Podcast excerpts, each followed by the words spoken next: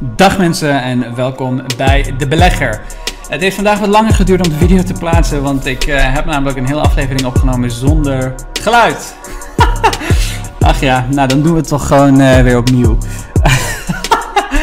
oh god jongens, ik, uh, ik, ik, ik, ik doe dit soort dingen on the fly. Dus ik, ik, ik heb geen tekst of script of whatever.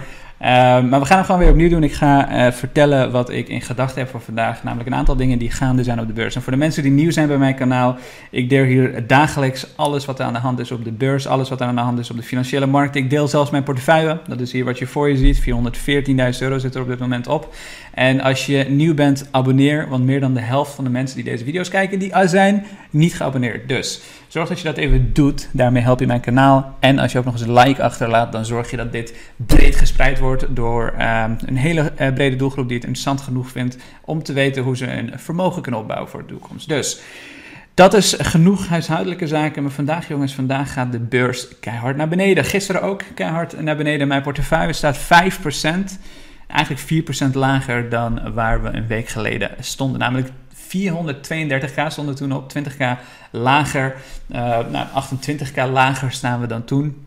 Dus dat betekent een goede 4% kwijt van mijn portefeuille. En ik vind dat op zich niet heel erg. Want zoals je weet, als je mijn video's wat eh, langer volgt, heb ik heel vaak gezegd: het is nu tijd voor kwartaalcijfers. En bij kwartaalcijfers gaan bedrijven op de weegschaal gaan staan. Bedrijven die hele hoge waardering hebben gehad, die gaan op de weegschaal staan en die laten zien wat ze daadwerkelijk wegen, wat ze waard zijn. En heel veel van die bedrijven die hebben dus een enorme, enorme klap gekregen naar die kwartaalcijfers. Mijn portefeuille is juist gegroeid. Het is, sterker nog, het is met 30 35% gegroeid in een maand tijd. Van 347k geloof ik, of 340k of iets dergelijks, naar 430k op zijn allerhoogste. Dus inmiddels 4% weer gezakt. Maar heel veel andere bedrijven die hebben dat geluk niet gehad. Heel veel bedrijven die hebben dat geluk niet gehad. Als je kijkt naar dit lijstje, ik heb hem doorgestuurd gekregen vandaag, dan zie je Nicola 85% omlaag. Stone 80% omlaag. SDC 81% omlaag. Clover Health 74% omlaag. Teladoc 60% omlaag. Zoom 55%. Uh, Alibaba, Baidu 55%. Bumble 53%, Roku 51%, Pinterest 50%. Eigenlijk zijn al die verschillende bedrijven, ook PayPal, Twitter, Snapchat, al die bedrijven die zijn op de weegschaal gaan staan.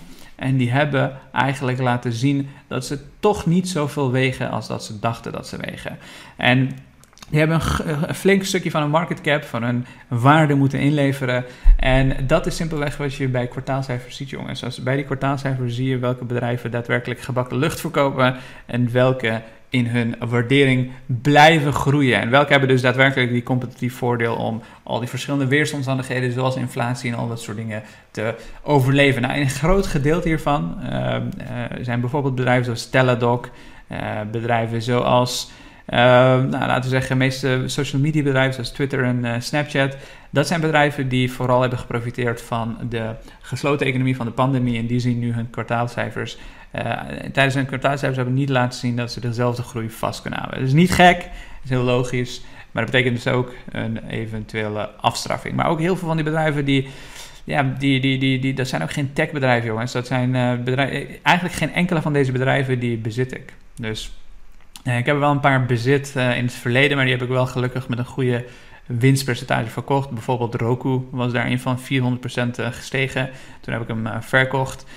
Um, En uh, bijvoorbeeld een ander bedrijf is Wix, die heb ik ook een tijdje gehad. stond uh, een kleine plus van 10, 15 procent. Toen heb ik hem verkocht omdat ik zag dat er een aantal dingen ermee mis, waren. Um, maar goed, er zijn heel veel bedrijven die dus een flinke, flinke klap hebben gekregen. En dat zijn bedrijven dus die op de weegschaal zijn gaan staan en kwartaalcijfers vielen tegen. En dat zijn ook bedrijven dus die een zulke grote waardering hebben gehad. En beleggers die zeggen nu ja, nu de rentes omhoog gaan en zo laat me zitten. Ik ga in een bedrijf zoals Royal Dutch Shell zitten. Ik ga in een bedrijf zoals Unibail zitten. Ik ga in een bedrijf zoals KPN zitten. En in de uh, S&P 500 ga ik in de bedrijven zoals Corp zitten, Occidental Petroleum, uh, Dollar Tree, Nov Inc. Dat zijn de bedrijven waar ik in ga zitten. En niet meer bedrijven zoals Tesla, niet meer bedrijven zoals uh, nou, bedrijven die een relatief hoge waardering hebben. Laten we daar even op houden. Dus mijn portefeuille ongeveer 4% gezakt. De meeste van dit soort techbedrijven belachelijk hard gedaald. Het is echt ongelooflijk, maar gemiddeld zijn deze bedrijven gewoon dus letterlijk 50, 60% gedaald. Dat is best wel heftig en de reden daarvoor is natuurlijk de rentestanden. De rentestanden die zijn flink gestegen de afgelopen drie maanden. Ik heb het hier heel vaak eh, behandeld overigens, dit soort uh, zaken. Als je hier uh, al een tijdje zit, dan weet je die kwartaalcijfers. We hebben continu alle bedrijven die uh, het gepre gepresenteerd hebben, die hebben we behandeld. Ook bedrijven in mijn portefeuille. ik heb uitgelegd waarom ze het goed doen, waar, waarom ze het slecht doen, welke redenen daarvoor zijn. En een van de dingen die continu speelde was inflatie. En daartegenover staat natuurlijk een hogere rente. En die rente die is dus de afgelopen tijd omhoog gegaan. En heel veel mensen verwachten dat die rente dus ook omhoog zal blijven gaan. Richting 3% ongeveer dat het over de loop van jaren heen zou kunnen komen. En, en in tijden zoals hogere inflatie, in tijden zoals hogere rentes, wil je natuurlijk ook in bedrijven zitten die daarvan profiteren. Ik zit liever in bedrijven, dus die in mijn portefeuille zitten. Ik zal hier ook even mijn favorieten delen. Dit, zijn, dit is niet per se uh, eh, 100% mijn portefeuille, maar dit zijn bedrijven die in mijn favorietenlijstje zitten.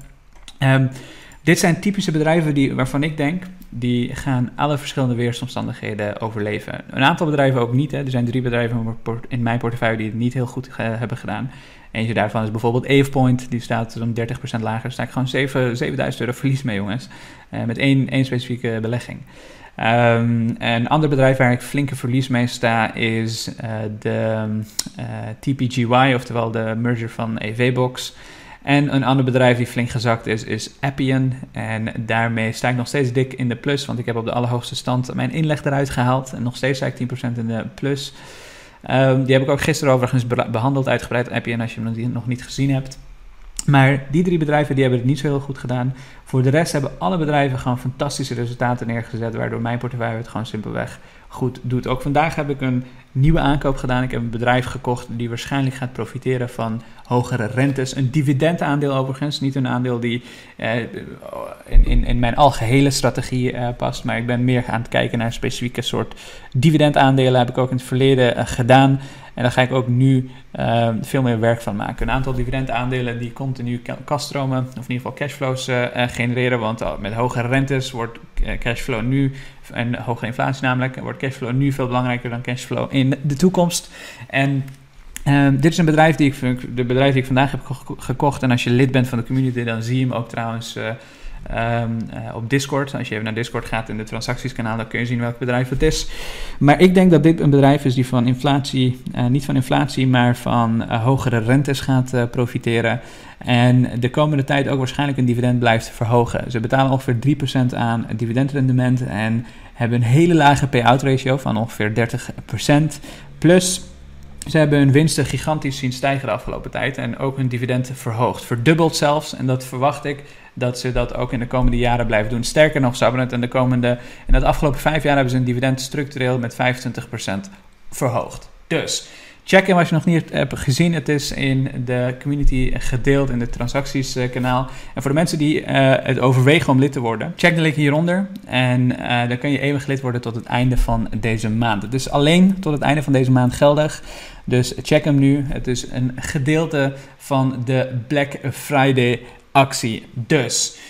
Dat gezegd hebben, jongens, de bedrijven in mijn portefeuille, die verwacht ik dat ze vrijwel alle weersomstandigheden moeten kunnen overleven. En nogmaals, dat is puur mijn mening. Heel veel beleggers die kunnen het daar niet mee eens zijn. Uh, op korte termijn zullen ze waarschijnlijk ook zelfs met dit soort uh, evenementen, hè, dat die rentes bijvoorbeeld uh, omhoog gaan of dat inflatie even tijdelijk wat, wat, wat, wat, issues veroorzaakt, dat ze wat omlaag kunnen gaan. Dan kunnen heel veel mensen zeggen, ja, dan gaan we niet in dit soort bedrijven beleggen. Maar ik denk dat bedrijfskritieke software, zoals een Workday, zoals een Nvidia, zoals een AvePoint, zoals een MongoDB, Zoals een Salesforce, dat bedrijven zijn die eigenlijk alle weersomstandigheden uh, moeten kunnen uh, overleven. Zelfs een hogere inflatie moeten ze kunnen overleven. Eigenlijk alles wat op ze afkomt, moeten ze kunnen overleven. Ze hebben pricing power en ze zijn gewoon bedrijfskritieke software. Ook WCBR, dat is ook een bedrijf niet een bedrijf, maar een ETF waarvan bedrijven in de cybersecurity zitten. Ook die zal het waarschijnlijk uh, goed doen in alle verschillende weersomstandigheden, naar mijn mening. Nu doet dit nu niet goed, want hij is 10% gezakt. En ik zal hem ook bijkopen als, uh, als, als ik uh, een goede kans zie. Maar Uh, dit zijn wel allemaal bedrijven waarvan ik het gevoel heb, dit, dit, dit gaat gewoon uh, de komende decennia op zijn minst 5 à 10 jaar gewoon gestaag blijven groeien, blijven waarde leveren aan hun klanten. En in iedere verschillende weersomstandigheid, of in ieder geval beursweersomstandigheid, moet kunnen overleven. Dus daarmee heb ik dit gedeelte behandeld. Laten we overgaan naar inflatie, jongens. Ik krijg ontzettend veel vragen van mensen over inflatie. En misschien voordat we naar inflatie gaan, kunnen we weer naar rente teruggaan. Want uh, even goed, um, ik ben even één dingetje vergeten. Als je kijkt naar de afgelopen vijf jaar, rente was uh, vlak voor de pandemie in 2019 ongeveer 3%, of 2018, eind 2018. 3% was de rente en die is eigenlijk een beetje gezakt tot en met COVID kwam. En bij COVID ging het echt keihard naar beneden naar ja, vrijwel nul. En nu is het langzaamaan weer terug aan het opkrabbelen. Waarschijnlijk richting 3%, afhankelijk van wat de inflatie natuurlijk gaat zijn. Maar die moest je bedenken, in 2018 zei ook iedereen, tech is een bubbel en al die waarderingen zijn zo hoog. En uh, Shopify had een PE van uh, min 1000 en uh, Nvidia had een PE van min 200 of whatever, weet je wel. Al die verschillende waarderingen waren ook bij die 3% rente gewoon simpelweg het geval. De bedrijven die in dat soort gevallen niet overleven zijn speculatieve bedrijven. En je moet altijd een onderscheid maken tussen uh, of een bedrijf speculatief is of een bedrijf een groeiaandeel is. En dat, daar zie ik zoveel fouten in, jongens. Zoveel mensen die zeggen, is, die, die, komen, die sturen mij een berichtje met: Hey, zou je naar dit groeiaandeel willen kijken? Dan kijk je ernaar en het is echt absoluut geen groeiaandeel. Dus gewoon een speculatief aandeel zonder winst, zonder omzet, zonder een echte businessplan, zonder uh, echte producten of services die ze op de markt hebben. Dat is gewoon speculatie, jongens. Daar ga ik niet op in, daar ga ik niet naar kijken. Uh, breng mij bedrijven die daadwerkelijk in de groeifase zitten, die daadwerkelijk cashflows genereren, die daadwerkelijk omzetten genereren. Winst hoeft niet eens per se, winst is niet het allerbelangrijkste, maar die wel een goede capital expenditure hebben en die hun kapitaal aan het investeren zijn ergens in. En een duidelijk product hebben, uh, dat zijn de groeiaandelen die ik bedoel, die in de groeifase zitten, die al een product hebben, een dienst hebben die verkoopt en een specifieke markt die aan het groeien is. Dat bedoel ik met groeiaandelen. Niet speculatieve shit zoals desktop metal, zoals workhorse en dat soort ongein. Um, ik haal dit heel even weg.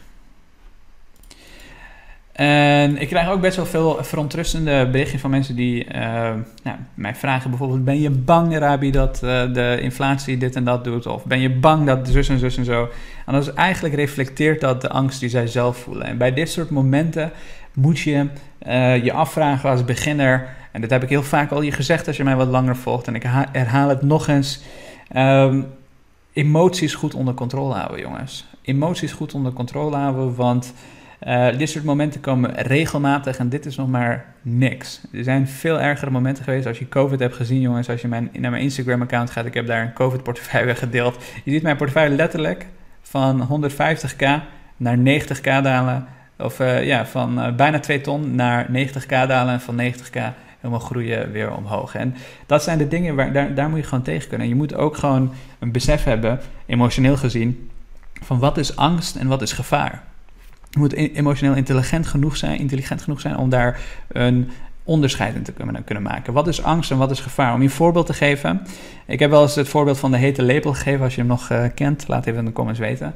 Maar ik zal even een ander voorbeeld geven. Laten we zeggen, je, bent, je wilt een straat oversteken. En je kijkt om je heen en je bent bang. Wat, wat, wat doe je als je bang bent? Als je bang bent, dan kijk je om je heen of er gevaar is. En dat is dus het verschil tussen angst en gevaar. Als je bang bent, dan kijk je of er gevaar is. Dus als je een straat wil oversteken en je bent bang, dan blijf je gewoon lekker eh, staan waar je staat en je kijkt, komen er auto's aan? Komen ze hard genoeg aan? Gaan ze mij, aan, gaan, gaan, ze mij, of eh, gaan ze mij slaan? Gaan ze mij raken? En dat, zijn, dat is een beetje een analyse die je voor jezelf moet maken. Is er daadwerkelijk gevaar? En in mijn optiek is er in mijn portefeuille, denk ik, op de lange termijn geen gevaar. Dus ik hoef niet angstig te zijn. Uh, er is niks veranderd aan de digitalisatie die de wereld meemaakt. Er is niks veranderd aan de fundamenten van de bedrijven die ik bezit. Er is niks veranderd aan de patenten die, die ze bezitten. Er is niks veranderd aan hun competitief voordeel, competitieve, competitieve positie. Um, en bedrijven waar dat wel het geval is, die doe ik ook de deur uit op een gegeven moment. Nog niet, maar als ik het gevoel heb dat, dat, daar dat er daadwerkelijk gevaar is, dan doe ik ze de deur uit. En blijkbaar denken bij heel veel bedrijven vandaag mensen dat er heel veel gevaar is. En dat is ook het moment waarin je moet gaan uitzoeken: oké, zijn al deze bedrijven daadwerkelijk um, in de gevarenzone? Of is er puur angst en paniek en is het tijd om bij te kopen? En dat is precies wat ik ga doen de komende tijd. En als je lid bent, dan kun je dus ook al mijn transacties volgen. Ik heb ook al een aantal transacties gedaan en dat zal ik dus ook om de komende tijd blijven doen. En daarmee hoop ik je in ieder geval wat meer houvast te hebben gegeven. Um, ander dingetje, ik krijg heel veel vragen over inflatie, angst voor inflatie, het spook, het monster, heel vaak al besproken. Maar inflatie jongens, uh, heel veel de vragen die je krijgt, de ene die zegt is het tijdelijk, de andere zegt is het permanent en uh, valt de wereld uit elkaar. En het antwoord ligt altijd in het midden jongens. En... Uh, Um, er is geen enkel bewijs op dit moment dat inflatie permanent zal zijn. De enige bewijs die ik kan vinden is dat inflatie tijdelijk is. En dat komt omdat inflatie uit drie tijdelijke factoren op dit moment bestaat. Eén, belachelijk hoge energieprijzen. Dat zie je hier voor je. Uh, energie is dit rode lijn hier die massaal omhoog schiet. Dat zorgt ervoor dat inflatie omhoog gaat. Het tweede is dat een open economie.